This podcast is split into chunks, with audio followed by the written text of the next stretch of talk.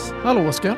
Eh, mysigt att ha dig här. Mm, och vara här. Mm. Eh, jag tänkte inleda så här dagen före julafton med att eh, lä- läsa lite ur Bibeln, julevangeliet. Mm. Och det finns en poäng med det här. Okej. För det, det, vilket vi kommer märka. Så det är inte bara så att jag av jultradition gör det, utan jag gör det för temats avsnitt. Ah, okej. Jag försöker liksom sänka lyssnarens oro här. Är så här Bibeln. Du är ingen kristen fanatiker helt nej, jag är Nej, inte det. nej. det nej, precis. Okej. Vid den tiden utfärdade kejsar Augustus en förordning om att hela världen skulle skattskrivas. Det var den första skattskrivningen och den hölls när Quirinius var ståthållare i Syrien. Alla gick då för att skattskriva sig, var och en till sin stad. Och Josef, som var genom sin härkomst hörde till Davids hus, begav sig till från Nasaret i Galileen upp till Judeen, till Davids stad, Betlehem, för att skattskriva sig tillsammans med Maria, sin trolovade, som väntade sitt barn. Mm. Jesusbarnet. Sp- det Spoiler alert. Jesus på? Nej, Ehm, Ja. mm. det är fint. Mm. Den här bibeln fick jag faktiskt när jag konfirmerade mig. Ja. Eh, så det är min egna konfirmationsbibel. Ja, men jag tycker det är väldigt fin, uh, ju, julevangeliet. Så jag ska inte sitta här och ironisera eh, fullständigt. Utan jag tycker det här är väldigt Ja, ja, fint. och jag tycker att man ska läsa det runt julen. Jo, för idag så har vi läst en bok som behandlar människan och samhället och staten. Mm. Och då tyckte jag, det var därför jag tyckte att julevangeliet är passande. För vad är, vad är det som händer? Vad är det man börjar med? Ehm, Skattskrivning.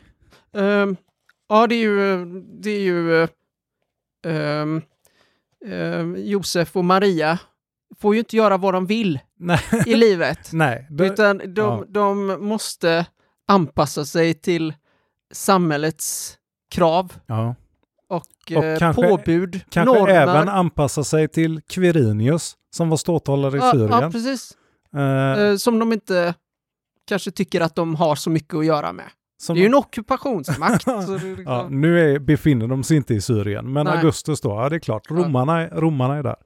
Ja. Eh, så att våran, våran statsreligion, kristendomen, eh, är, den liksom uppkommer i det här. Det är Mm. det första som händer. det, när man var, beskriver- det var en statsreligion. Ja, det är inte vår nu. Aha, Nej. nej, okej. Eller? Jo, det tror jag. Ja, det jag jag vet det inte. tror jag inte. Det lärde jag mig i skolan. Ja. Men i alla fall, och då, då uppkommer det här med vårat, med hela ursprunget i vad vår, eh, eller vad, vad kristendomen handlar om. Det centrala, Jesus. Och då Mm. börjar man med staten. Mm. Alla skulle skattskriva sig. Ja. Det var jag, jag tänker att det är som eh, eh, det var på den tiden och så skulle Andres skicka in sin första deklaration. Ja. Om man börjar en historia Ja, ja. på det sättet, Mm. då är ju ändå eh, staten och samhället viktig kanske. Jo, jo, det är klart. Jag är Det ingen bibeltolkare, Men vi får, vi men får ja, berätta men om ja, vad vi läser. Precis. Vi har läst civil, eh, Civilization and its discontents. Ja. Vi vantrivs i kulturen blev den svenska översättningen när den här kom ut för länge, länge sedan. Och Eh, Den, den är skriven av? eh, Sigmund Freud. Ja. Och kom 1930. Ja. Så det är ju länge sedan. Och jag läste att eh, den, den klassificerades i alla fall på Wikipedia som political philosophy. Jaha. Okej. vilket jag tyckte var intressant. Jag såg det idag Mm. först.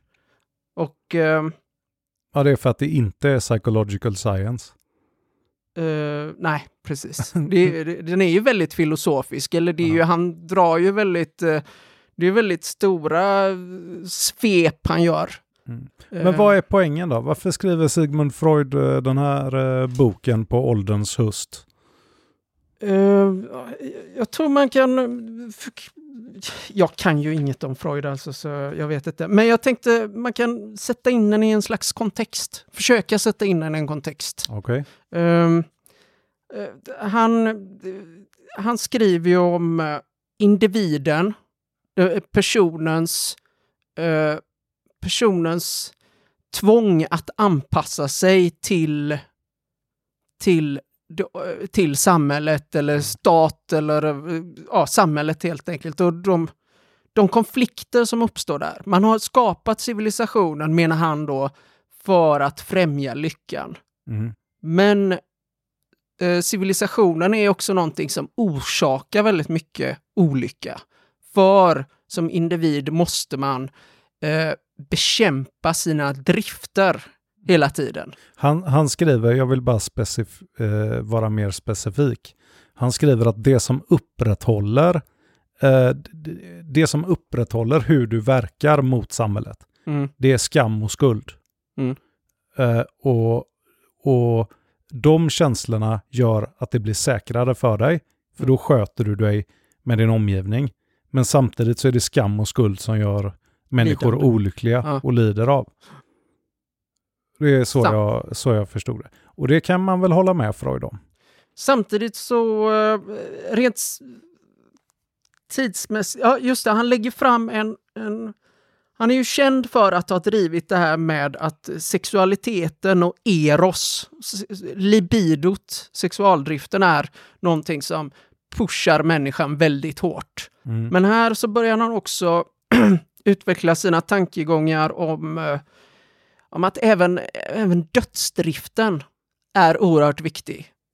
Och att civilisationen på något sätt då eh, bekämpar även den, eh, alltså dödsdriften, aggression och, eller han menar att människor har en omedveten önskan om att dö. ja, det verkar ju... Jag, jag, ska jag vara ärlig, jag förstår ingenting Nej, inte jag heller. saker. Inte jag heller riktigt. Jag Mm. eh, tycker han... Jag kom på mig flera gånger eh, under den här läsningen att det kändes som att jag inte minns någonting och inte vet vad han har skrivit. Nej. För att det är eh, eh, babbligt Det är jävligt babbligt. och ja. eh, på gränsen till illa skrivet, tycker jag. Nu kommer någon freudian Ja, de blir tycka att jag är helt knäpp, helt men jag tycker inte, för att han är känd för att skriva så himla bra. Men jag, tyck, Ja, nej, jag tycker, jag tycker det- inte det är jättespännande. Det var lite, jag läste och så var det som om jag inte läste riktigt. Alltså jag, Ja. det, det blev väldigt fladdrigt. Eh, Men har du jag något- tror inte det beror på att jag har var du helt dum i huvudet. Nej, det tror inte jag heller. Eh, Eh, har du något exempel på det här med dö- dödsdriften? För han babblar ju om Eros och dödsdriften. babblar jävligt mycket om Ja. en massa grejer. Ehm, det är det också jag tycker är ett problem med boken, att han ger inte riktigt bra exempel på det här. Det är så svepande liksom. Han säger att ja, men det är så, så här är det och så, men jag förstår inte. Men han uppfann ju sin egen psykologi. Ett helt system. Ett, Ett system. tankesystem kan man ju säga. Ja. Och så använder han det med full auktoritet. Mm. Så att eh, när han skriver om någonting med Eros, som jag inte förstår Så överhuvudtaget, är det så. eh, så är det så. Ja, precis. Och det, och, och, eh, men du kan ju fatta dig hur jag känner det lite. Jag har ändå studerat psykologi fem och ett halvt år på universitet. Men det är inte riktigt psykoanalyt... Nej, inte överhuvudtaget. Jag vet, inte vad han, jag vet inte vad han pratar om. Nej. Jag, jag för, förstår inte hur, hur han eh, eh, tänker. Och dessutom så har jag skrivit ett, eh, ett paper som jag är ganska nöjd över, som heter The Guilt Cycle. Mm. Och om man vill läsa den så finns den på min akademia.edu-sida. Mm. Och The Guilt Cycle handlar om precis det här som eh, Freud eh, skriver om. Fast eh, jag refererar istället till massa modern forskning om skuld och skam. Mm. Så att jag kan ju de här grejerna och jag förstår ändå inte vad han bubbla, bubblar om. Ja, Jag hade väldigt svårt att förstå, eh, tyvärr. Ja. Eh, Men eh, mm. jag, har ett, eh, jag har en grej som han skriver om här. Eh, eh, jag, jag, jag ska försöka läsa lite på engelska, André, så får du, så Mm. får du reagera. Eh, why do our relatives, the animals, not exhibit any such cultural struggle? Han refererar alltså till det här att man blir olycklig och utvecklar en... Man blir olycklig för man är rädd för att dö och då utvecklar man En en, en stat. Jaha, okej. okej. Ja, det är det boken handlar om. Att människor utvecklar samhälle och stat Mm. genom skuldkänslor. Okej. Ja. Varför gör inte djuren det här? Säger Freud.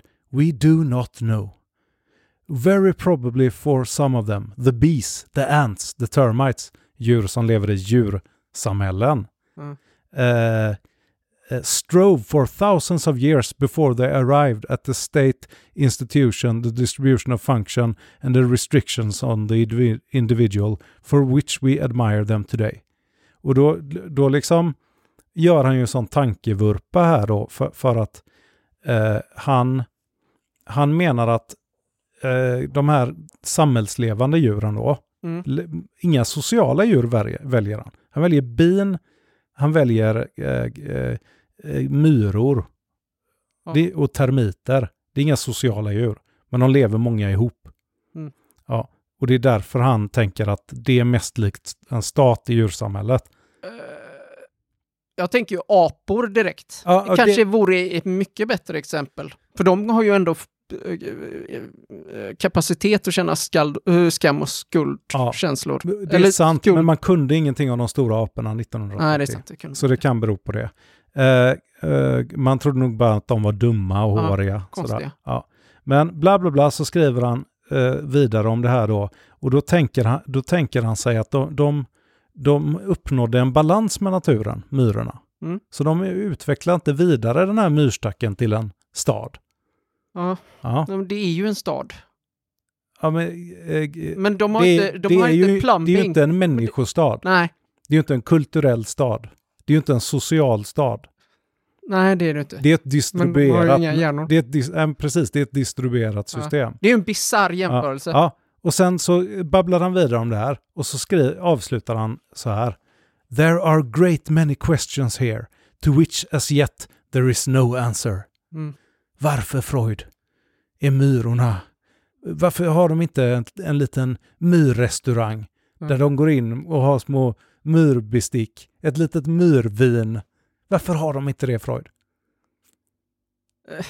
Ja, men det är ju ett litet samhälle. Eh, Myrstack är ju en samhälle. Det är, de har ju till och med Det arbetsfördelning. di- det är ett distribuerat system. Ja, Alltså ska, ska man se myror ur ett de har psykolog... arbetarmyror. Ja, men ska man se myror ur ett psykologiskt perspektiv så kan man ju se att myrstacken är som en hjärna.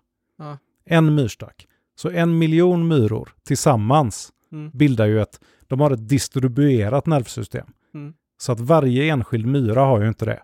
Nej. Så många ner- nervceller. Men tillsammans har man det.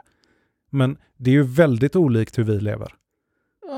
Ja, vi är ju också, det är ju inte en person som har byggt samhället. Det är ju, det är ju en hjärna som blir en superhjärna i ett samhälle också, i ett mänskligt samhälle. Eller civilisation, eller hur? Ja, visst, men myror är inte ens i närheten att ha en väldigt liten, liten, liten opera med en liten, liten, liten dirigent. Nej. Nej. Så, så aporna är ju en bättre jämförelse. Ja, Eller nästan vilka djur som helst faktiskt. ja. Visst, det är ju ett Murv, myr... murvlen. Murveldjuret. Murveldjuret är en bättre. Ja, Ja, men så jag fattar inte riktigt. Eh, Men han... eh, Jag tycker det var komiskt korkat skrivet. Jag måste vara ärlig. Jag tyckte det var komiskt dumt. Det är sådana saker som någon skriver som är höjd över allt tvivel. Det är en sån sak som eh, en guru skriver till sina gurumedlemmar. Ja. Han är ju, han är ju en guru här. Ja. När han är kanske, han är väl nästan 60, över 60 år här. Ja. Och har byggt upp hela den psykoanalytiska rörelsen. Mm. och eh, stridit för att bli kungen av det här. Och eh, han skriver med stor självsäkerhet. Eh, eh, här är ett citat ur eh, eh, d- d- vad heter han? Christopher Hitchens förord. Freud skriver till... Uh, uh, han skriver så här.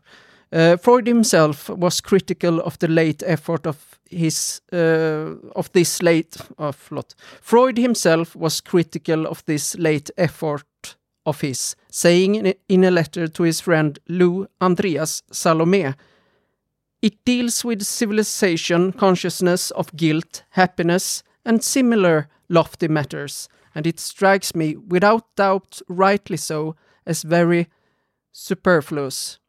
In writing this work, I have discovered afresh the most banal truths.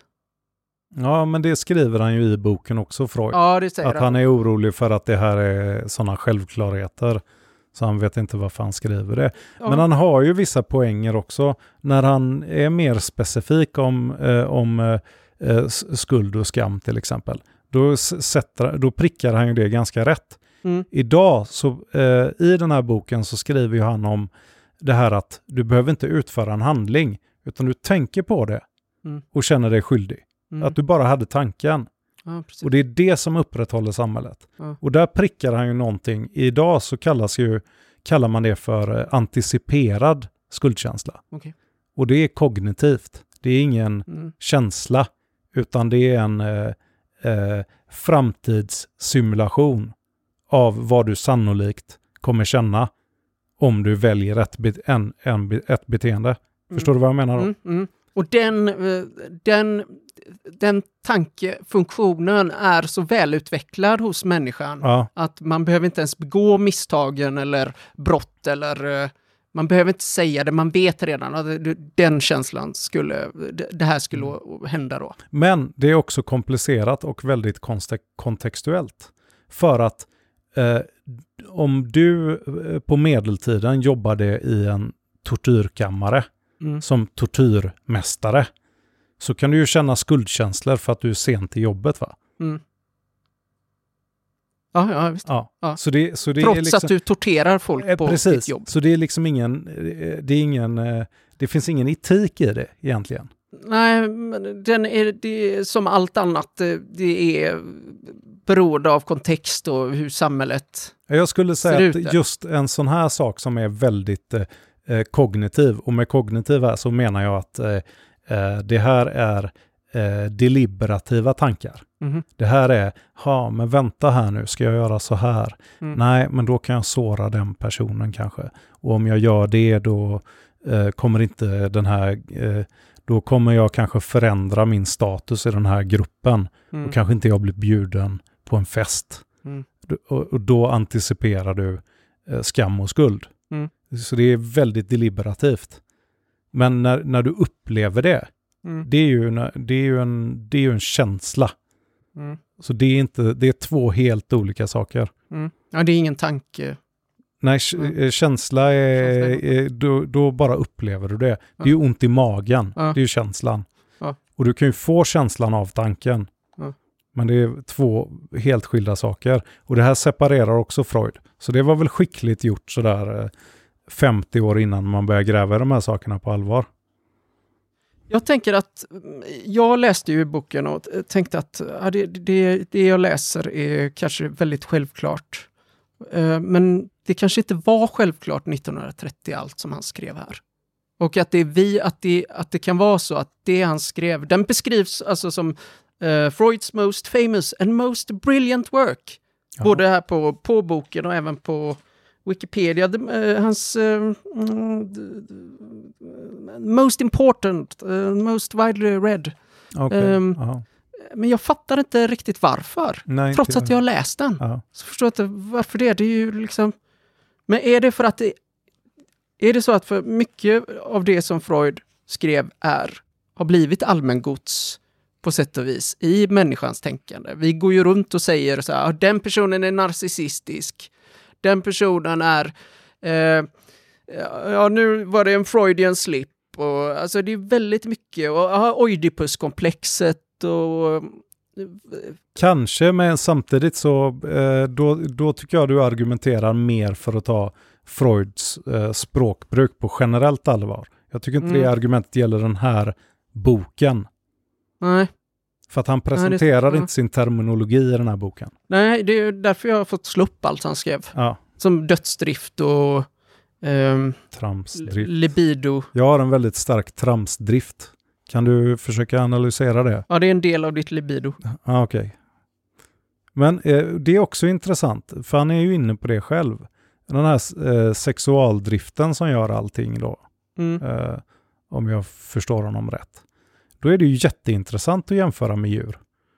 Som inte har några högre, som inte, som- inte har några högre kognitiva förmågor överhuvudtaget. Däribland hämningar, men som ändå har såklart en stark sexualdrift. Mm. Men de har, har ju inget, de har ju inte, de har ju inte en psykologi. Det har de, men de har inte en mänsklig psykologi. Nej. De går inte att relatera. Freud, eh, Freud säger ju ingenting om, eh, om eh, makaker. Mm. Det är det som Men är han, visste, problemet. han, men han visste ju inte det här heller. Han hade ju inte den här djur, ja, med hundar och katter då? hundar och katter. Ja, har de, eh, har de ett överjag? Nej. Jo. Ja, men de, de måste ju hämmas. De kan ju, en hund kan ju inte göra exakt vad han vill i en hund, i sitt lilla hund, i sin lilla hundflock. Ja. En varg kan ju inte göra exakt vad som helst. Så även en varg måste ju kunna bli... Ja, men Gå de, emot. ja, men de internaliserar inte den saken. För Mm. det som Freud menar är att vi, vi, och det var därför jag började med Bibeln, Mm. för att det, det knyter ihop det här. För det som Freud menar är att när vi, först har vi en pappa som är hård mot oss, sen internaliserar vi den och, och det är den stora fadern. Mm. Och det är ju en, del, en del av det till exempel är ju det som är Gud i kristendomen. Liksom. Okej, Du har internaliserat den stora fadern. okej. Du vet, Gud ser vad du håller på med. För du har Ja. vuxit upp liksom. Din pappa kommer inte rätta dig längre. Mm. Så förstår jag det. Ja. ja, nej, jag tror jag... Det, jag är förvirrad. Nej, men det, är- det är pinsamt. Men eh, återigen, eh, tiden här, eh, historical context. Ehm, första världskriget hade ju han eh, upplevt, Freud. Och eh, allt fruktansvärt som händer och... eh, Där var det ju så att miljoner personer blev eh, eh, drafted till armén och fick slakt, en stor slakt. Liksom. Och, nej, det, den är g- ganska... Den är ganska, han skriver ganska mörka saker. Det är mycket sådär, ja människan har ju, vill ju egentligen då eh, döda och våldta och begå hor. Ja. Eh, och människan har en primitiv instinkt till att mörda och eh, döda och, och ha sex. Varför är den primitiv? Det är bara en sån fråga jag får. Ja. Nej men det är ju ett väldigt gammalt språk på något Ja. sätt. Det känns som... Det är också, så här progress, det är också en progressiv eh, ideologi. Att man tror att det sker en utveckling. ja, Att, det, att folk var dummare för primitiva, ja, och troglodyter. ja. Och så blir vi liksom upplysta och bättre. Människan våldtog då hämningslöst och dödade hämningslöst i tidigare civilisationer, eller Men som det- inte var civilisationer då. Det han beskriver, och jag vet att han har fått mycket kritik för det, Freud. För det han beskriver är ju massa överklass eh, psykologi i Mm. Wien. Jag tänker att det är nog eh, ganska intressant att hans sprängkraft i den här tiden på slutet av 1800-talet och eh, i början av 1900-talet, att det är, det, det är en jävligt borgerlig värld Ja, som klart bestämmer över allting. De, Ja. de, de, borgarna bestämmer, och kanske till och med, så var det ju i England att adeln bestämde. Det var aristokrater som bestämde i samhället. Mm. De vill inte höra det här med eh, eh, perversitet och eh, olika saker, att människan egentligen är ett djur. Darwin var ju också där på slutet av 1800-talet. Eh, 1859 skrev ju han om arternas uppkomst och sedan så det här med eh, Zarathustra och så talade Zarathustra kom ju 1880 och Guds död och så kommer Freud där och börjar säga en massa saker. Ja, men, men, men penisavund och, och analerotik och Det är liksom. bara en massa knäppheter. Freud måste ju varit helt pervers. Varför går man runt och har de här tankarna? Men är det knäppheter? Ja, det är klart det är. Man går inte runt och eh, eh, man går inte runt och drar en slutsats att, eh, att eh, någonting har med någons rövhål att göra. Det är ju ingen va- vanlig människa som gör det. Mm. Det det är ju så här, jag tror att rika eh, personer i rika miljöer blir perversa. För jag tror att eh, eh, deras, deras valmöjligheter i livet gör dem till perversa personer. Okej. För, för att eh, om, du, om du kan göra lite hur du vill och flytta lite hur du vill och le, lever ett liv som inte tyglas av att du måste sköta gården eller att du är dräng på en gård. Det Mm. är klart att du statistiskt sett blir mycket mer pervers. Liksom. I den moderna staden. Ja, men det ser man ju. Ja, men det ser man ju. Moderna personer är ju mer perversa. Mm. Ja, det ligger nog något. Det är sådär, eh, eh, eh, om du vet, du kan, eh, du kan göra lite vad du vill och även fast du, även, det här är ju så här typiskt då för västerlandet, Mm. att även fast du är ganska lat och ganska kass, så har du ändå så här pengar över till någon pervers semester. Mm. Du kan åka och liksom eh, eh, eh, knulla någon i typ Kambodja. Det har du liksom råd med. Det, det är så här, inte ens Gustav Vasa hade de resurserna. Nej. Och kanske inte heller var Du inte lika... begå dessa synder. Nej, men, Men skulle Men- du hålla med om det här antagandet eh, som jag skrev idag? Psykoana psykoanalys, ett alibi, en ursäkt, för att få tala om kvaddade saker på ett samhälleligt accepterat sätt. nej, Inte? eller nej, jag vet inte. Men finns det inte en Men det är sån väl ingen aspekt? som håller på och talar om, eh, om Jo, men Freud-grejer? Ja, men det är klart de fan talar gör det, liksom? psy- Psykoanalytiker gör väl det? Och de som håller på med de här frågorna, liksom, ja, nej, men då är det en anal fas där och penisavund. jag tycker det är tjänstefel. Om man är utbildad inom psykologi och håller på med sånt här istället för bra information så tycker Mm. jag det är tjänstefel. Okej. Det står jag för. Men man kanske, inte, man kanske inte håller på att tala om penisavund. Nej, det längre. hoppas jag verkligen inte. Vad Nej, jag vet ju inte. Nej, men tänk dig själv då att, det, eh, att eh, någon, för nu, nu pratar vi om terapi. Ja. Jag är ingen terapeut. Nej. Jag eh, eh, har inte klinisk psykologi, det är inte min grej. Men om det kommer någon eh, skör själ eh, som har det jättejobbigt i sitt liv. Ska du sitta, först då, här är första grejen på tal om skam. Mm. Sitter du och tänker på kukar och, och rövhål då när den här personen liksom eh, öppnar upp sig om sitt eh, eh, hemska Liv. eh, liv eller uppväxt. Mm. Jag sitter där och tänker på ett rövhål. Mm. Det är det första, där tycker jag man ska känna, känna skam om man gör det. Det andra är, ska du börja säga sådana här saker till den personen? Mm. Det, är ju, eh, det känns inte eh, det känns inte bra. Mm. Jag bara reagerar väldigt starkt mot det. Mm. För att det finns alternativ. Mm. Alltså man, man kan eh, eh, välja, vad, välja någonting an, och berätta någonting annat. Jag vet att eh, många tycker, tycker blir väldigt hjälpta. Eh, jag pratade för ett tag sedan med en person som har blivit eh, utbränd. Mm. Utbränd är ju, nu för tiden så är ut, det finns ingen skillnad mellan utbrändhet och depression. Om du får depression väldigt fort, då är du utbränd. Mm. Mm. Så det är samma sak. Mm. Men den här personen eh, har ju fått hjälp av att lära sig om, för han blev så jävla upprörd att minnet inte fungerar. Hans minne. Ja. Okej. Kommer inte ihåg vad folk säger.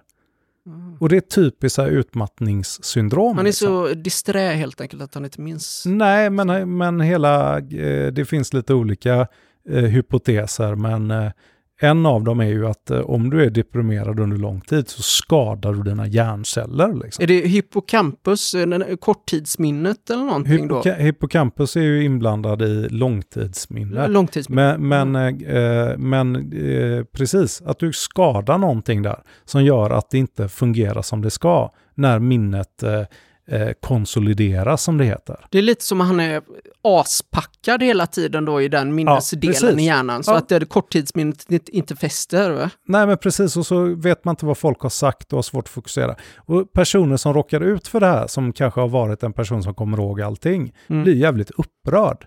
Men om den personen får lära sig mer om hur de olika minnesfunktionerna fungerar, Mm. om det är en teknisk person, Mm. det är klart att det hjälper. För då blir det så här, aha, det är det här som händer med mig. Okej. Men, men att sitta och bubbla då istället om eh, eh, Eros.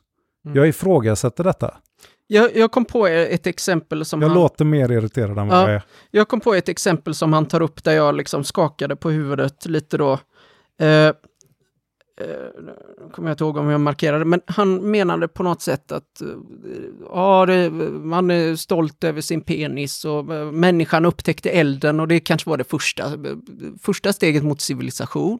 Och så, men då, ja, då kissar männen på elden och känner stolthet och kvinnorna kan inte kissa på elden och bla bla bla. Det är liksom, Det är trams. Ja, det är ju trams. Ja, Som jag sa, jag har en väldigt stark tramsdrift. Den eh, får vi... Din tramsdrift. Min tramsdrift är väldigt stark. Den blir det Men kan när jag inte... Läser det här. jag tänker att, att jag ändå har en poäng med mitt alibi-tänkande. För det måste ju ha varit en väldigt kraftfull eh, frihetskänsla för Freud och hans kollegor när de kunde med psykoanalysen som alibi säga väldigt eh, skeva saker som att, eh, och att man faktiskt då Ja, men det gjorde dadaisterna också. Liksom. Ja, ja, men, ja, ja, visst. Men man började göra det här i en viss tidsperiod. Ja. Slutet av 1800-talet, början av nitt- 1900-talet. Det var någonting som hände med samhället. Det är det, Det- jag menar. ja, visst, absolut. Det, Man eh, tappade kristendomen. Var, var kanske den goda, eh, den här stora fadern var inte så närvarande längre när Nietzsche ju- har sagt att Gud är död. Ja. Men då var ju den, då pratar vi om, då blir det ju ett meta, en metadiskussion. Att den stora fadern var inte närvarande för de som höll på med det här tramset. Mm, Men för resten, för de andra 99,7 procenten i samhället, mm, så är, är, ju- är ju det här, det eh, har varit trams, det blev trams och det är fortfarande trams. De flesta Mm. tycker bara det här är skit och trams. 99,7 procent tycker bara det här är skit och trams. En vanlig Vi kan inte tjomme, låtsas som något annat. ja, en vanlig tjomme som kör en lastbil eller går till Nej, en jobbet. vanlig tjo- jag menar alltså en van, ve- vem som en helst. vanlig, ve- En tjänsteman, en, Ja, ja, en visst. 99,7 procent. Och så är det en väldigt liten del i Wien och i de stora städerna i Europa på den här tiden som håller på med de här Nej, men jag konstiga menar sakerna. fortfarande också. Ja, ja, jo, jag, jag håller med. Det är ju ingen som tycker det här... Jag blev, jag kan blev, inte säga sånt här till jag folk. måste säga att jag blev besviken på Freud. Eh, jag, blev, jag, trodde jag, skulle, jag trodde att den här var mycket, mycket eh, mer bra. Ja. Och, eh, och så blir det lite av ett eh, eh, grisen i säcken moment. För det här... Det, det, jag, jag tänder inte alls på det här. Jag trodde jag skulle tända lite mer på det, men det är, det är för... Eh, det, är för dåligt. Ja. Här skriver han också. Civilized man has exchanged a portion of his possibilities of happiness for a portion of security. Och det kan man hålla med om. Mm. Men det, det här är ingenting man gör. Nej. Människan Aktivt. är. Mm.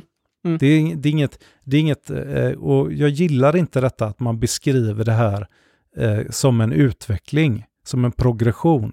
För Mm. det är inte det. Mm. Hjärnan är ungefär likadan. Det, det här är eh, eh, det här är elitism. Mm. Det, det, det, det är liksom... Ja, hur menar du el- elitism? Ja, men det, det här, om, eh, om någon i västvärlden i Wien vid 1800-talets slut Mm. tror att man kan beskriva världen och människan generellt och civilisationen utifrån eh, de upplevelserna. Mm. Det är liksom så här, eh, det, det stämmer ju inte. Mm. Du vet, det som, det som Freud menar med typ högre funktioner. Du hittar inte ens detta i största delen av världen. Mm. Du hittar inte det här. Mm. Det är liksom, det, det är ju också, det ställer ju, det, det sätter ju ljuset liksom så här, ja men vad har, vad har Freud, vad hade Freud för människosyn egentligen? Ja, jag, Med, jag, tyckte, vad tyckte han om andra människor, Ja. undrar jag ibland. jag läste på eh, lite om Freud. Han tyckte Ja. att massan, eh, den stora massan, är ju helt... Eh, de, de måste ju, eh, någon måste ju styra den stora massan. Ja, Och sen när jag läste den här så tänkte jag, ah, nej men det är ju eh, det är ganska extrema tankegångar. Det, det, språket är liksom eh, det, extremt, han hävdar saker helt utan, eh, liksom, utan hämningar och så började jag ge exempel. Eh, på, ja, jag har inget bra exempel, men... Eh, han, För det är mest det för att det är så, blir så svårt att hänga med. jo, jag, jag förstår. Eh, men, eh, jag har inget bra exempel, men han är ju extremt självsäker och bestämd och så här är det och då är djuren där. Och det var ju lite som det du läste i början där, att han var väldigt... Ja. Och jag tror att när han skriver att vi inte förstår oss på myrorna så tror jag till och med att han kan ha haft fel 1930. Ja. Jag tror att eh, någon, eh, hade bättre koll på myrsamhället då. Ja. Och, Ja, man kan, och jag tror dessutom att ta andra, Varför det är de ta andra personer. Har han läst William James till exempel? Tidig psykolog. Det är ju redan skrivet. Massa Mm. smarta grejer. Mm. 1930. Mm. Finns redan personer. Mm. Det finns redan eh, det finns redan data. Mm. Och han är omedveten om det. Men Freud flummar ju in väldigt mycket på det eh, extremt spekulativa och han, det, den får eh, stämpeln eh, filosofi det här och mycket av det han skriver är ju, går ju inte ens att säga att det är vetenskapligt på det sättet som man kanske... Eh, det, det är Nej, eh. Stor, han är ingen stor vetenskapsman, han är en, han är en tänkare. Så jämförelsen med Marx och, och sådär kanske som Hitchens gör, va? Är ju kanske ganska bra. Ja. Eh, Men det är ju de som gillar Freud mest, det är ju folk som inte kan någonting om psykologi. mm, Det är ju så här eh, eh, någon som håller på med någon ko- konstig konst eller batik eller någonting.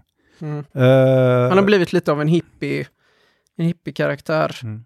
Eh, Här är så- också att han, han resonerar ju inte särskilt eh, bra. Han kanske hade blivit gammal. Men han skriver “The earlier phases of development are in no sense still preserved. They have been absorbed into the later phases for which they have supplied the material.” Så alltså de tidiga utvecklingsfaserna, de är, är inte bevarade på något sätt. De absorberas in i senare faser och eh, de senare faserna bygger på den tidigare utvecklingarna. Okej Freud, säg att vi köper det då, så kommer det här eh, ett stycke bort. The fact remains that only in the mind is such a preservation of all the earlier stages alongside of the final, form possible, and that we are not in a position to represent this phenomena in pictorial terms.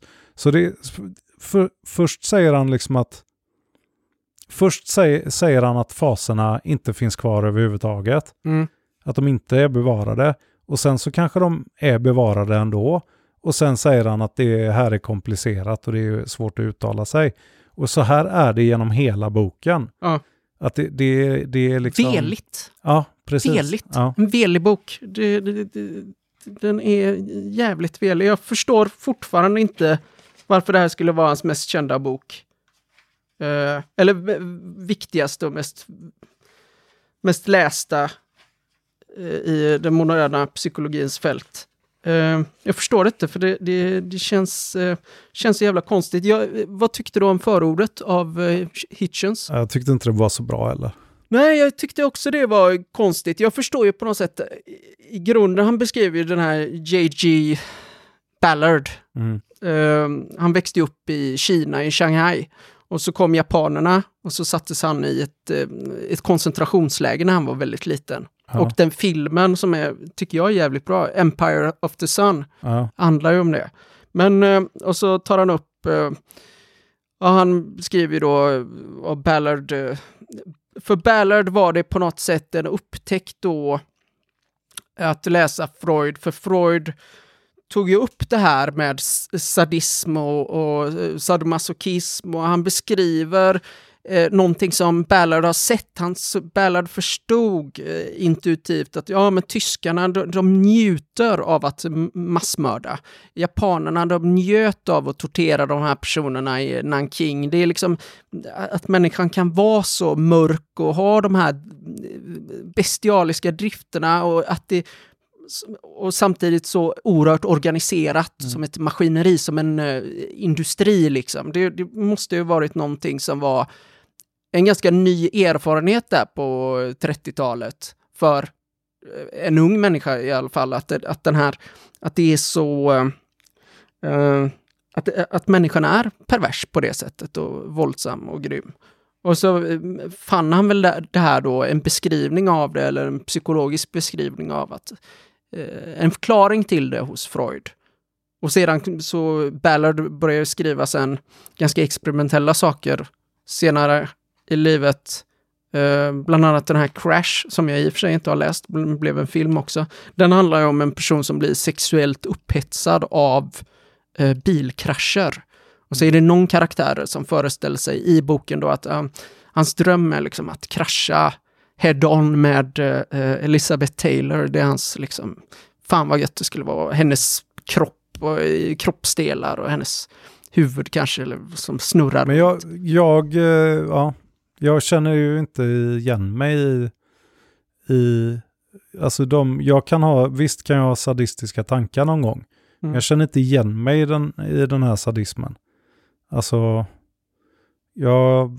Eh, dessutom så är det så här bara, ja men japanerna var riktigt grova och, och tyskarna var riktigt grova.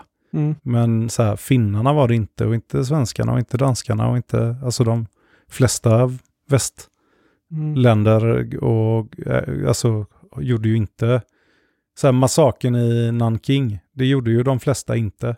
Mm. De flesta asiatiska länder gjorde inte sånt. Mm. Och då är ju frågeställningen, vad är det, vad är det då, eh, de flesta hö- höga civilisationer gör ju inte perversa saker. Mm. Jag kan till exempel referera till Steven Pinkers The Better Angels of Our Nature, som jag inte egentligen håller med om 100%. Men just det här att eh, eh, det, eh, det liberala kapitalistiska samhället, det får ju våld att gå i botten. Mm. Eh, liksom. Mm. Och, det, och det, här är, det här är fakta, att om man verkligen gillar, om man verkligen eh, inte tycker att man ska eh, kasta bögar från hustak och man tycker det är dåligt Mm. och man gillar eh, rättigheter och sådana här grejer, då, då Då är den liberala Då- kapitalismen ganska bra. kapitalismen är helt fantastisk eh, för, för de här sakerna. Helt fantastisk. Demokrati och kapitalism eh, har fungerat ganska Ja, bra. ja men precis. Och, och, och jag bara hittar inte den här generella eh, perviga tortyrmänniskan. Hos alla människor. Jag är inte så Nej. lika mörk som, jag, jag Nej. kan inte se Nej. det. Och jag vet att, eh, kommer du ihåg den här filmen The, The, Wave, The Wave? Mm. För jag har alltid tyckt, jag har aldrig hållit med om den. Jag tror inte att det är så lätt som i The Wave. Att få folk att eh, bara börja spontan hata folk med en annan ögonfärg.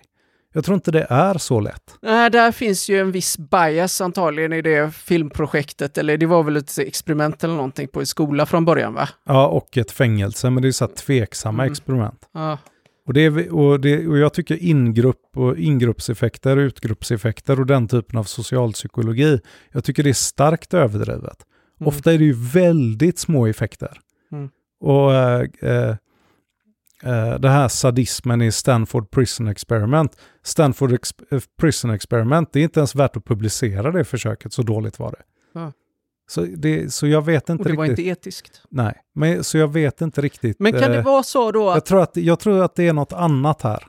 kan det vara så då att, nu talar jag ju om litteratur och, och experimentell litteratur och eh, han, Freud kommer även in i början eh, på en bok han skrev eh, tidigare som hette The Illusion of, eh, eller The Future of Illusion eller någonting liknande om eh, religion. Han var ju väldigt skeptisk till religion och liksom, han menar att, ja, men, att det här med att tro på Gud och det är bara en illusion och bla bla bla bla. Men man gör det för att man behöver någon slags eh, eh ett försvar, ett försvar mot eh, det onda som händer i samhället. Man behöver då den här fadern eller eh, en slags eh, och kanske religionens normer också. Men då, då hade han fått ett brev av eh, Roma, eh, Roman Roland som är en fransk författare och så hade han skrivit eh, eh, Roland då hade skrivit om, ja men du, eh, du tar ju inte upp det här med den, eh, den, liksom, den här känslan av eh, evighetskänsla som man kan få och liksom eh, den oceaniska känslan Ja, det, och precis. liksom upplevelsen av att man är i ett större sammanhang och så kommer han in på Ramakrishna, den här Roland och eh, även eh, Freud nämner yoga och de här Men Freud hade ju aldrig känt de här känslorna. Nej, han skriver ju det och Ja. jag, jag, där känner jag, där tänkte jag, men jag tror inte på honom.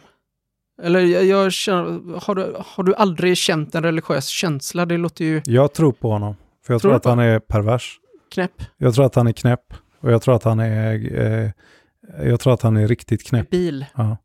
På gränsen till debil. Jag kom på en annan sak som talar emot eh, de här hypoteserna. Och Mm. det är ju till exempel om man tittar på utvecklingen i Mexiko nu. Mhm. Där bryter ju staten ihop. Mm. Och då blir det mer våld. Mm. Enligt Ja, det är- Freud det skulle det vara... Nej, men enligt Freud skulle det vara tvärtom.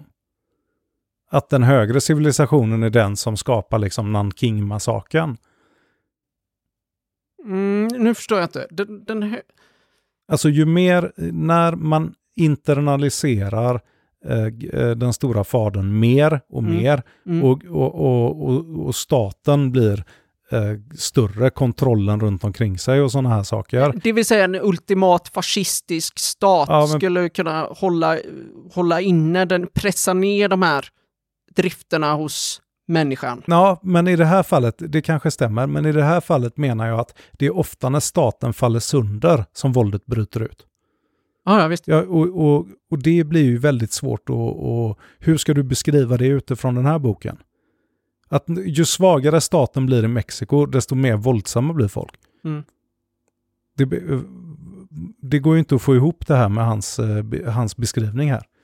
Nej, han är ju inte ens så konkret och... och Jo, han är det. Han, han snackar om, egentligen så snackar han om tre olika grejer. Amerikanerna säger han att hela den kulturen har gått åt helvete mm, i den här boken. Och då, han säger inte vad, han säger bara, som ni vet, hur illa det har gått med kulturen i Amerika, säger han bara. ja, den har blivit mer dekadent kanske. Ja, ja men liksom, Sedan har du ju börskraschen där 29 också. Det eh, kanske är det han tänker på också. ja, jag vet inte vad han tänker på, för han Nej. skriver inte vad han Nej, tänker. han, nej, han Men, men, men jag menar, det, det är ju en... eh, eh, USA är ju en framgångssaga. Mm. Där det var den... personer på 30-talet, vanliga personer på 30-talet i USA, kunde skaffa en bil. Det kunde man fan inte i Tyskland. Eh, ja, de kunde, men det var ju, det var ju, det var ju en, en stor depression där på 20-talet. Jo, jo, men den tog man ju sig ur ganska fort. Jag menar Mm. att, eh, att eh, man, man börjar masstillverka eh, Ford-bilar bland annat. Mm. Som vanliga personer som inte är rika sedan fyra generationer Mm. börjar köpa. Mm. Där har du USA. Och så var, så var det inte i Tyskland. Så var det nog inte i Tyskland förrän 50-talet. Så att Tyskland han är var ju ju en, full av skit liksom. Ja, och Tyskland var ju en failed state. På Ja, 20-talet. fast han hade det nog bra. Ja, men han bodde ju inte i Tyskland. Nej, men... Österrike. Ja, ja. Men... Eh, ja. Ja, överklassen. Potato, tomato. Ja, ja okej. Det var ju typ samma Ja, land ja, precis. då. Eh, ja, det var det väl kanske, ja. Ja. Ehm, Men jag menar, jag menar att om du... Om, om, det, är ju, det är ju som att man säger att eh, ja, men vi har en fantastisk kultur här och är väldigt civiliserade och bla bla bla bla. Och så tillhör du gruppen som sitter på alla resurser. mm, Nu låter jag som en kommunist, det var inte min avsikt. mm, mm. Men, men eh, det är ju väldigt lätt att kalla sig för civiliserad då. Mm. För Freud var ju inte i rännstenen liksom. Nej, det, är han skriver utifrån en väldigt privilegierad Ja. position. Mycket sånt här snicksnack Mm. är ofta sådana här eh, personer med gamla pengar som kan liksom bara ägna sig åt eh, eh, någon slags, bara sitta och tänka på saker. Ja, och liksom har... mm, Det är också det, det jag tänker på att... Det är därför jag gillar Bukowski, för han jobbade typ över 20 år på posten. Mm. Han skriver riktiga saker. Ja. Om Freud hade jobbat, om Freud hade burit potatissäckar i 20 år och sen ska han skriva saker. Så hade han haft Då hade, då hade han skrivit bra saker. lite mer vett i pallet. Ja, men nu jag- blir det ju väldigt mycket anal-erotik eh, som man inte förstår vad han menar och liksom eh, eh, lite debila saker. Jo, men allvarligt talat, när det kommer till kultur och konst och eh, teater och sådana här saker. Det är ju, det är ju borgarungar, ursäkta Mm. uttrycket, i, i, överallt. Mm. Det är ju liksom, eh, eh, ta en slumpmässig kulturskribent i typ Stockholm. Mm. Så är ju typ hans föräldrar någon sån person också. Författare. Ja. Sen Och, länge. och, och jag menar, de här, de här lever ju inte i verkligheten. Mm. Eh, eh, nu gäller ju inte det alla, men många, de, du, du vet, eh, ska ju, du måste liksom skotta snö Mm. för att, alltså så här, måste göra riktiga saker för att, för att kunna tänka ordentligt. För det här blir bara, jag tycker det är helt fruktansvärt. Ska man sitta då med någon eh, eh, truck truckis vars fru har tagit livet av sig och eh, prata om eh, dödslängtan liksom. Mm. Ska man ha stryk om man gör det? Mm. Nej, men det är därför jag tänker att det här, det här blir väldigt, han tar ju upp uh, Roman uh, Roland.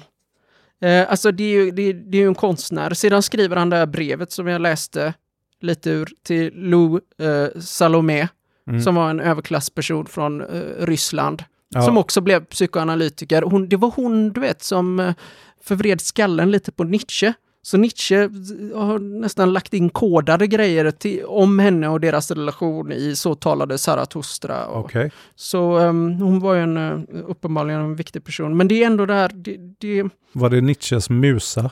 ja, det kan man ju säga att det var. Eh, och han eh, friade till henne så här, men eh, hon ville inte gifta sig naturligtvis med honom eftersom han kanske var lite för knäpp. Ja, ja. Ehm, Så är det ju. Ja, eh, men också det, det, det, är därför jag tror att det som du har studerat ligger ju så långt från det här, för det här är ju så spekulativt och, och gränsar till, kanske inte just den här boken, men det, det gränsar väldigt mycket till hittepå. Väldigt mycket hittepå. Ja. Och då är, blir det intressant för de här konstnärerna och överklassen Jag tycker man, i, ja, i för att de inte tar någonting på allvar. För att, för att de vet att inte de kommer bära potatis i 20 år om de tar fel beslut. Mm, Det är det det handlar om. Mm. Så man kan hålla på och flumma. ja. Ja. För det här är ju flum, Ja. ärligt talat. Och, Det är ju jävligt mycket ja, flum. men men eh, återigen så tycker jag det är Nietzsche som har rätt. Och det är när han säger att man är... Det är svårt att bara, bara vara filosof. Du, är andra, du har andra roller. Du kan Mm. inte vara pappa och filosof. Du kan inte vara lärare och filosof. Du kan, du dina andra roller. Du får välja. Du- Eller Du, kan, eh, om du ska vara filosof så kan du inte gå, gå runt med en barnvagn, är väl lite det. Och du kan inte gulla och vara en... Nej, men jag, jag, jag märker det bland folk jag känner. Mm. Att eh, om, alltså norm, normativa, normativa politiskt korrekta åsikter Mm. som inte är särskilt genomtänkta. Där skulle jag säga att eh, jag, om jag jämför de jag känner som har barn Mm. med de jag känner som inte har barn, så, så, ju, så hamnar ju de som har barn mycket mer i PK-korgen. Mm. För att de är ju tvungna att anpassa sig eh, efter en verklighet. Mm. De kan ju inte så här, eh, ja men sådana grejer som jag säger i den här podden ibland. Jag har ju inga barn. Mm. Det hade ju varit så här bara, ja men eh, om jag hade haft lilla Olle på dagis. Mm. Och så säger lilla Olle att eh, eh, till dagisfröken, eh, eller skolfröken, att eh, ja, men män och kvinnor är inte alls likadana. Mm. Då får du så här, Ja, Olle kanske ska träffa en psykolog nu. ja, och Olle kanske ska bli tvångsomhändertagen. Ja. För att, eh, för att han eh, blir misshandlad eh, i sitt hem. Så tänker Mm. man då. Så då undviker man ju det. Ja. Då, säger, då säger man ju inte eh, till en skolungdom att eh, ja, tänk på det Olle nu, men män och kvinnor har typ Olika väldigt biologi. olika beteende och biologi. Ja. Ja. Det var ju det som Rowling eh, råkade ut för. Hon är ju, Ja, hon är ju en transfob nu. För att hon eh, stödde en kvinna som skrev att det var, fanns biologiska skillnader mellan män och kvinnor. Ja, och den här kvinnan fick ju sparken på sitt jobb Ja. för det här. Mm. Och hon skrev, och, och det var till och med, det var, och J.K. Rowling uttryckte sig inte ens så hårt som du gjorde. Hon skrev bara, there is a bi, bi, det, det finns biologiskt kön. Mm. Det går inte att säga att det inte gör det, Mm. det gör ju det. Mm. Det var det hon skrev. Ja, just. Det är ju inte en särskilt eh, extrem åsikt. Nej, det är ju inte ens... Nej. eh, Hur kan det vara transfobiskt? DN i Sverige gjorde bort sig. Man hade en rubrik att J.K. Rowling har uttryckt sig transfobiskt. Mm. Det var rubriken. Men det gjorde hon ju inte. så Det gjorde hon ju inte. Ja, det är en ren lögn. Ja.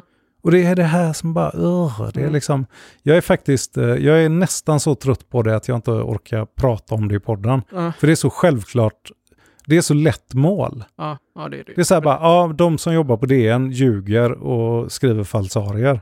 Vad mer ska jag säga? Men för att återgå till det, det du säger att folk som ha- har barn och går runt med barnvagnar och sådär, de blir ju, vi har talat om det tidigare någon gång, eh, att de, man, blir, man blir ju en del av samhället, en del av civilisationen kan man då säga på ett annat vis än en barnlös person. För Ja. man tvingas in i de här eh, sammanhangen där man ska vara representativ. Ja, För precis. att man vill framstå som en god mamma eller en god far och vi har rätt värderingar och därför så har Olle inte bara blå kläder på sig här utan det genusmedvetna här på det här dagiset. Och det, Bo, du vet att jag har ett exempel på det här för att både jag och eh, min bror är tunnhåriga. mm, Jag är mer tunnhårig än vad han är. Mm. Men, eh, och så snackar vi det om, för jag brukar bara raka av allting. Ja. Och så, det, så har inte jag tänkt så mycket på det.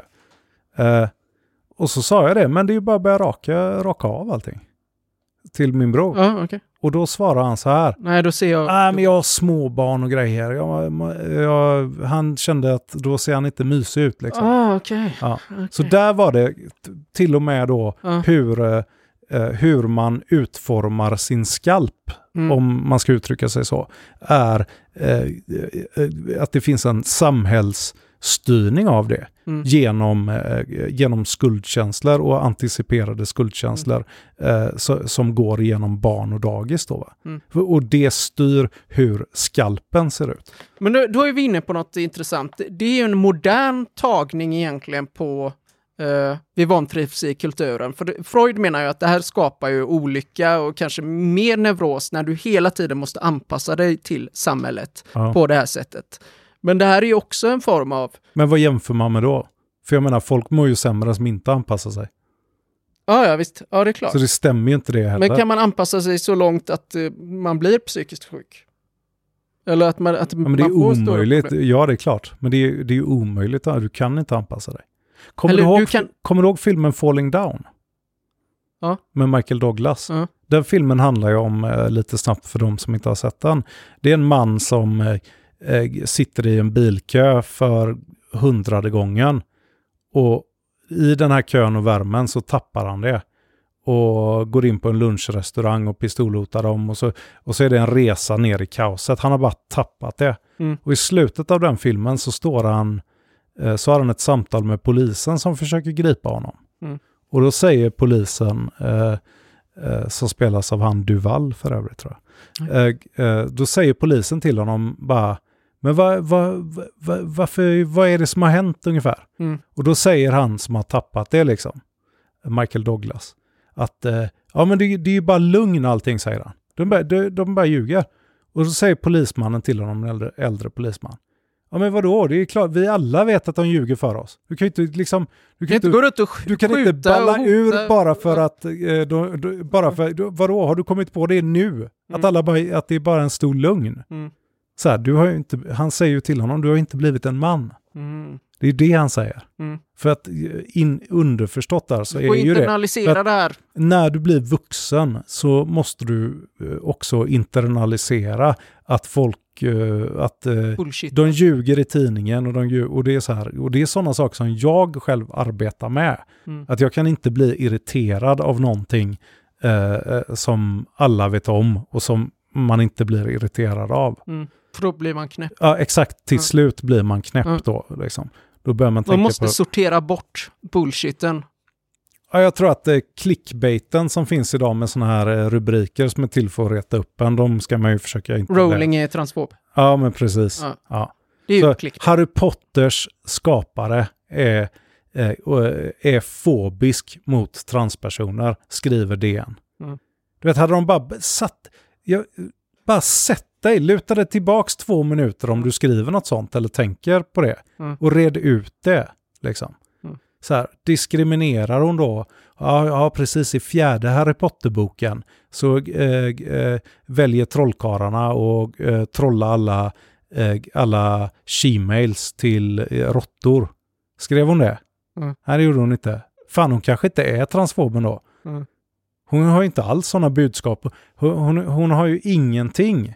Det är ju snarare tvärtom att J.K. Rowling har försökt att, att eh, eh, sprida en väldigt liberal, eh, icke-fobisk eh, ideologi genom sina böcker. Tolerant. Ja, Mm. åtminstone. Jag vet inte, jag har inte läst böckerna. Jag har sett filmerna, jag upptäckte inga transfoba Jag eh, element. ingenting. Jag såg de letar efter något horcrux och det var någon orm och grejer. Det var, eh, jag, Mycket av olika skäl så har jag sett de här filmerna. flum. Jag fattar ingenting. Det var ungefär som nu när jag läste Men du sa att du, kan inte anpassa dig. Men din bror har ju anpassat sig där till den saken. Och de flesta, det är klart man anpassar sig och styr sitt beteende och, och liksom är väluppfostrad. Ja, ja, och, man sätter ju sig och skiter på golvet Nej, när man ska handla snus. Ja. Så självklart. Men det finns ju olika nivåer. Det är, det är ju en gråskala av anpassning. Mm. Jag tänker ju inte börja ljuga. Mm. Om någon frå- frågar mig om någonting som Mm. är inom psykologi så Mm. tänker ju inte jag ljuga. Mm. Ja, men som eh, eh, eh, jag sa till någon någon gång eh, som fråga. Jag bara, ja men om du har en avbildning av en manlig hjärna och en kvinnlig hjärna så kan, går, det att, eh, går det att från de eh, bilderna, Mm. röntgenplåtarna, från dem så kan du säga där har du en man och där har du en kvinna. En vanlig röntgenplåt Av hjärnorna. ja. av hjärnan Ja, för att vi har olika anatomi, i hjärnan. ja, vilket innebär att vi har olika beteenden. Tänker på olika sätt. Ja. Och så det påverkar hela kroppen. Jag, jag, tänker inte, lju- jag tänker inte ljuga om detta. Nej. Det, det, det tänker jag inte göra. Mm. Det spelar ingen roll. De får hänga mig de svinen. Ja, ja, men det, det är ju också det är ju en fara med civilisationen när den börjar ljuga för mycket, när den blir, går bort från det här liberala och fria. ehm, Ja. så då, då uppstår ju, även om det är en väldigt trygg miljö kanske initialt, så är det ett oerhört stort hot mot lyckan. Ja, När, du, när ljugandet blir, eh, blir en del av... blir en norm tänker, som det är nu.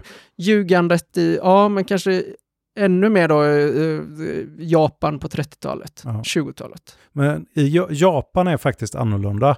För i Japan så är det synonymt med att bli vuxen är att bli normativ och anpassad. Mm. Alltså vuxenhet för en japan, Mhm. det är lika med formbeteende. Konformism. Ja. Så att Mm. Japan är Mm. annorlunda. Så kultur. tänker inte eh, andra kulturer. Mm. Det, den, jo, till en viss mån, men inte så extremt. Roots Benedict menade ju att, eh, att den, de västerländska civilisationen eller de västerländska kulturer och länder är ett, eh, är ett skuldsamhälle och Japan är ett skamsamhälle. Jag vet inte riktigt vad hon menar med det. Hon är Nej, antropolog. ja, ef- eftersom att det är psykologiskt inte ens egentligen går att separera skuld och skam, så tror jag hon har fel. Mm. Du menar att det är så likt, bara olika Det uttryck? är typ samma sak. Ja. Det är liksom... Eh, det är experimentellt så har man inte riktigt lyckats separera de här sakerna. Mhm. Skuld och skam. Men jag tänker ändå att det, det, det kan ligga någonting i, i det ändå, för västerlandet går ju igenom väldigt mycket, vad har, är är väldigt självmedvetet och eh, liksom bearbetar det här med andra världskriget i hundra år. Och man, liksom, vad gjorde vi för fel? Och tyskarna, Mm. liksom, ja, det, vi, har, vi ber om ursäkt tusen gånger, vi ber om ursäkt varje dag. Liksom. Där, är- där är det en, eh, en medveten process till där man be- bearbetar fel man har begått. För det är klart att västvärlden och västerländska länder naturligtvis begår fel. Men eh, det var någon som menade att eh, andra kulturer gör man eventuellt inte det på riktigt samma sätt. Jag tror en kines aldrig skulle göra det. På riktigt. Eh, Himmelska fridens torg är ju inget som man talar om i Det är Kina. ju inte direkt så att de har bara, där var vi dumma. Nej, precis. Nej. Man, har inte, man har inte bearbetat det, för man känner inte den eh, ehm, skulden på samma sätt. Det är inget Men- skuldsamhälle på det sättet. Om vi går tillbaka till Freud så tror jag att problemet som han försöker skriva om här, det är att om du anpassar dig till gruppen och gruppen är lugnaktig, Mm. då får du, då, då blir det, det blir liksom eh, krona, jag vinner, klave, du förlorar. Mm. För att då kommer du känna skuld och skam för att du är ett lugnaktigt svin. Mm. Om du håller på att snacka om de här idéerna. Mm. Liksom. Mm. Om du vet om att det inte finns ett lönegap, men ändå sitter och säger sådana saker i ditt lunchrum Mm. för att passa in. Mm. Då, då, då liksom får du som ett brev på posten dåliga känslor i kroppen Mm. för att du är inte trovärdig mot dig själv. Mm. Sam- Du är Ja, inautentisk. du är inautentisk. Men samtidigt så eh, om du inte gör det och anpassar dig, Mm. då känner du skuld och skam för att eh, eh, gruppen som du tillhör, om du inte är försiktig, de kommer eh, utesluta dig. Mm.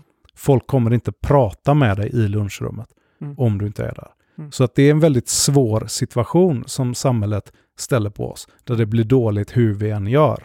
Mm. Och det är det jag tror.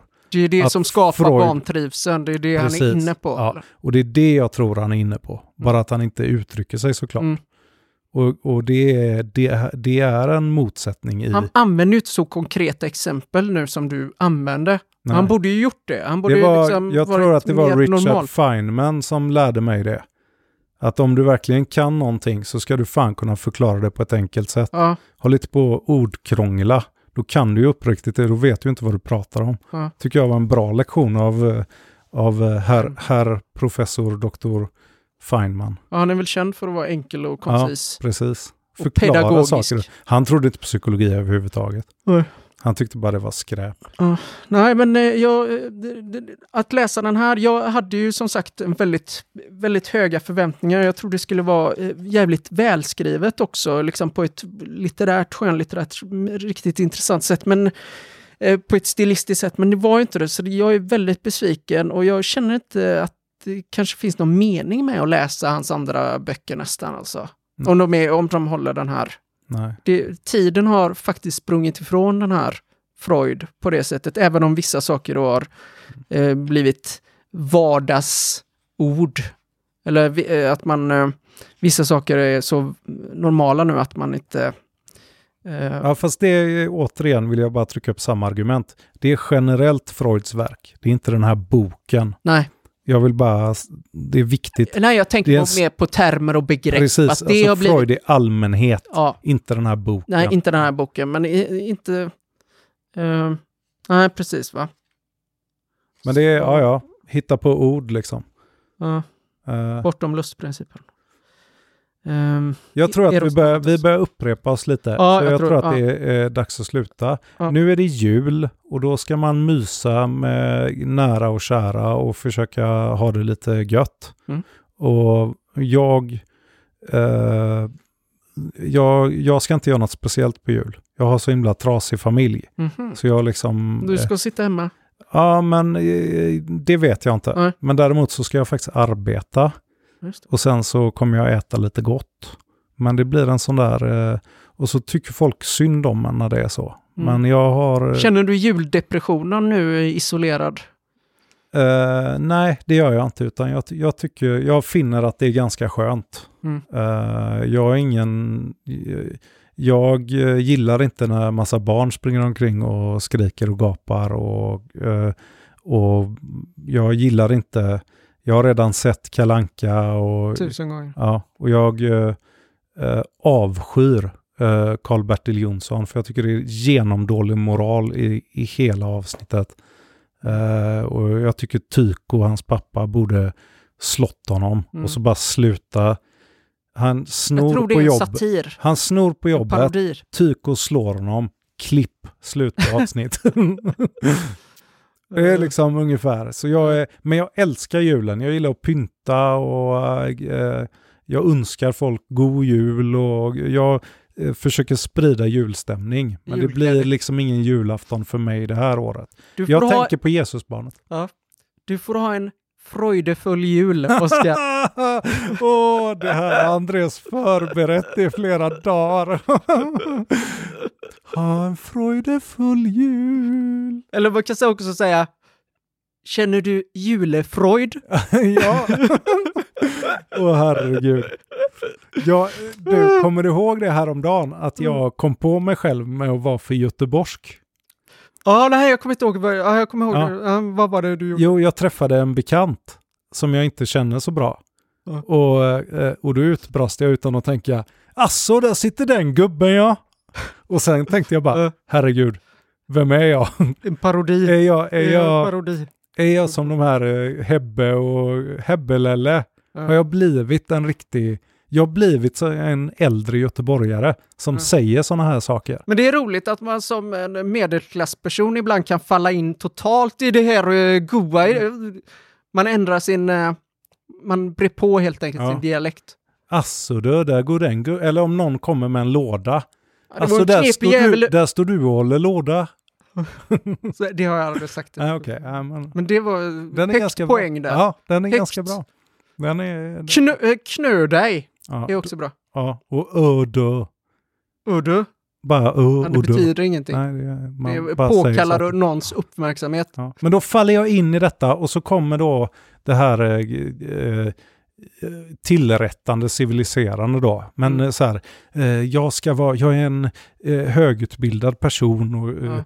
eh, jag talar ju med mindre eh, göteborgsk brytning ja. för att jag, jag är skolad och så Ja. kommer det tillbaka och så rättar det till mig in i fåran lite igen. Ja, ja. Ja, mellan två olika världar sådär liksom. Ja. Det ligger någonting i det Freud skriver. Överjaget. Det, det är ju bara, det hö- bara högre kognitiva funktioner. Ja. Men det är Det är, hjärnan liksom, som... det är ju så här från, frontallobsgrejer som sätter igång med den långsiktiga planen. Hur är mitt nuvarande beteende? Vad har det för värde långsiktigt om jag beter mig på det här sättet? Om jag rättar till det här, Mm. ökar jag då i hur jag upplever statushierarkin? Jag för mig va? Det är väldigt långa strategier. Mm. Den korta strategin är då har du en bärs till där? Liksom. Mm. Det är så här, okej, då är det så här, mm, då kommer inte de personerna med makt och inflytande ta mig på samma allvar. Den långsiktiga strategin blir alltså sämre Mm. i att eh, låta, låta som en eh, eh, seriefigur. Ja, Ja. sjörövare. Och har du skador där så fungerar inte det. Nej, frontal. precis. Ja. Och det är ju bara att besöka en anstalt om du vill träffa sådana. Ja, god jul! God jul på er allesammans. Vi hörs nästa år.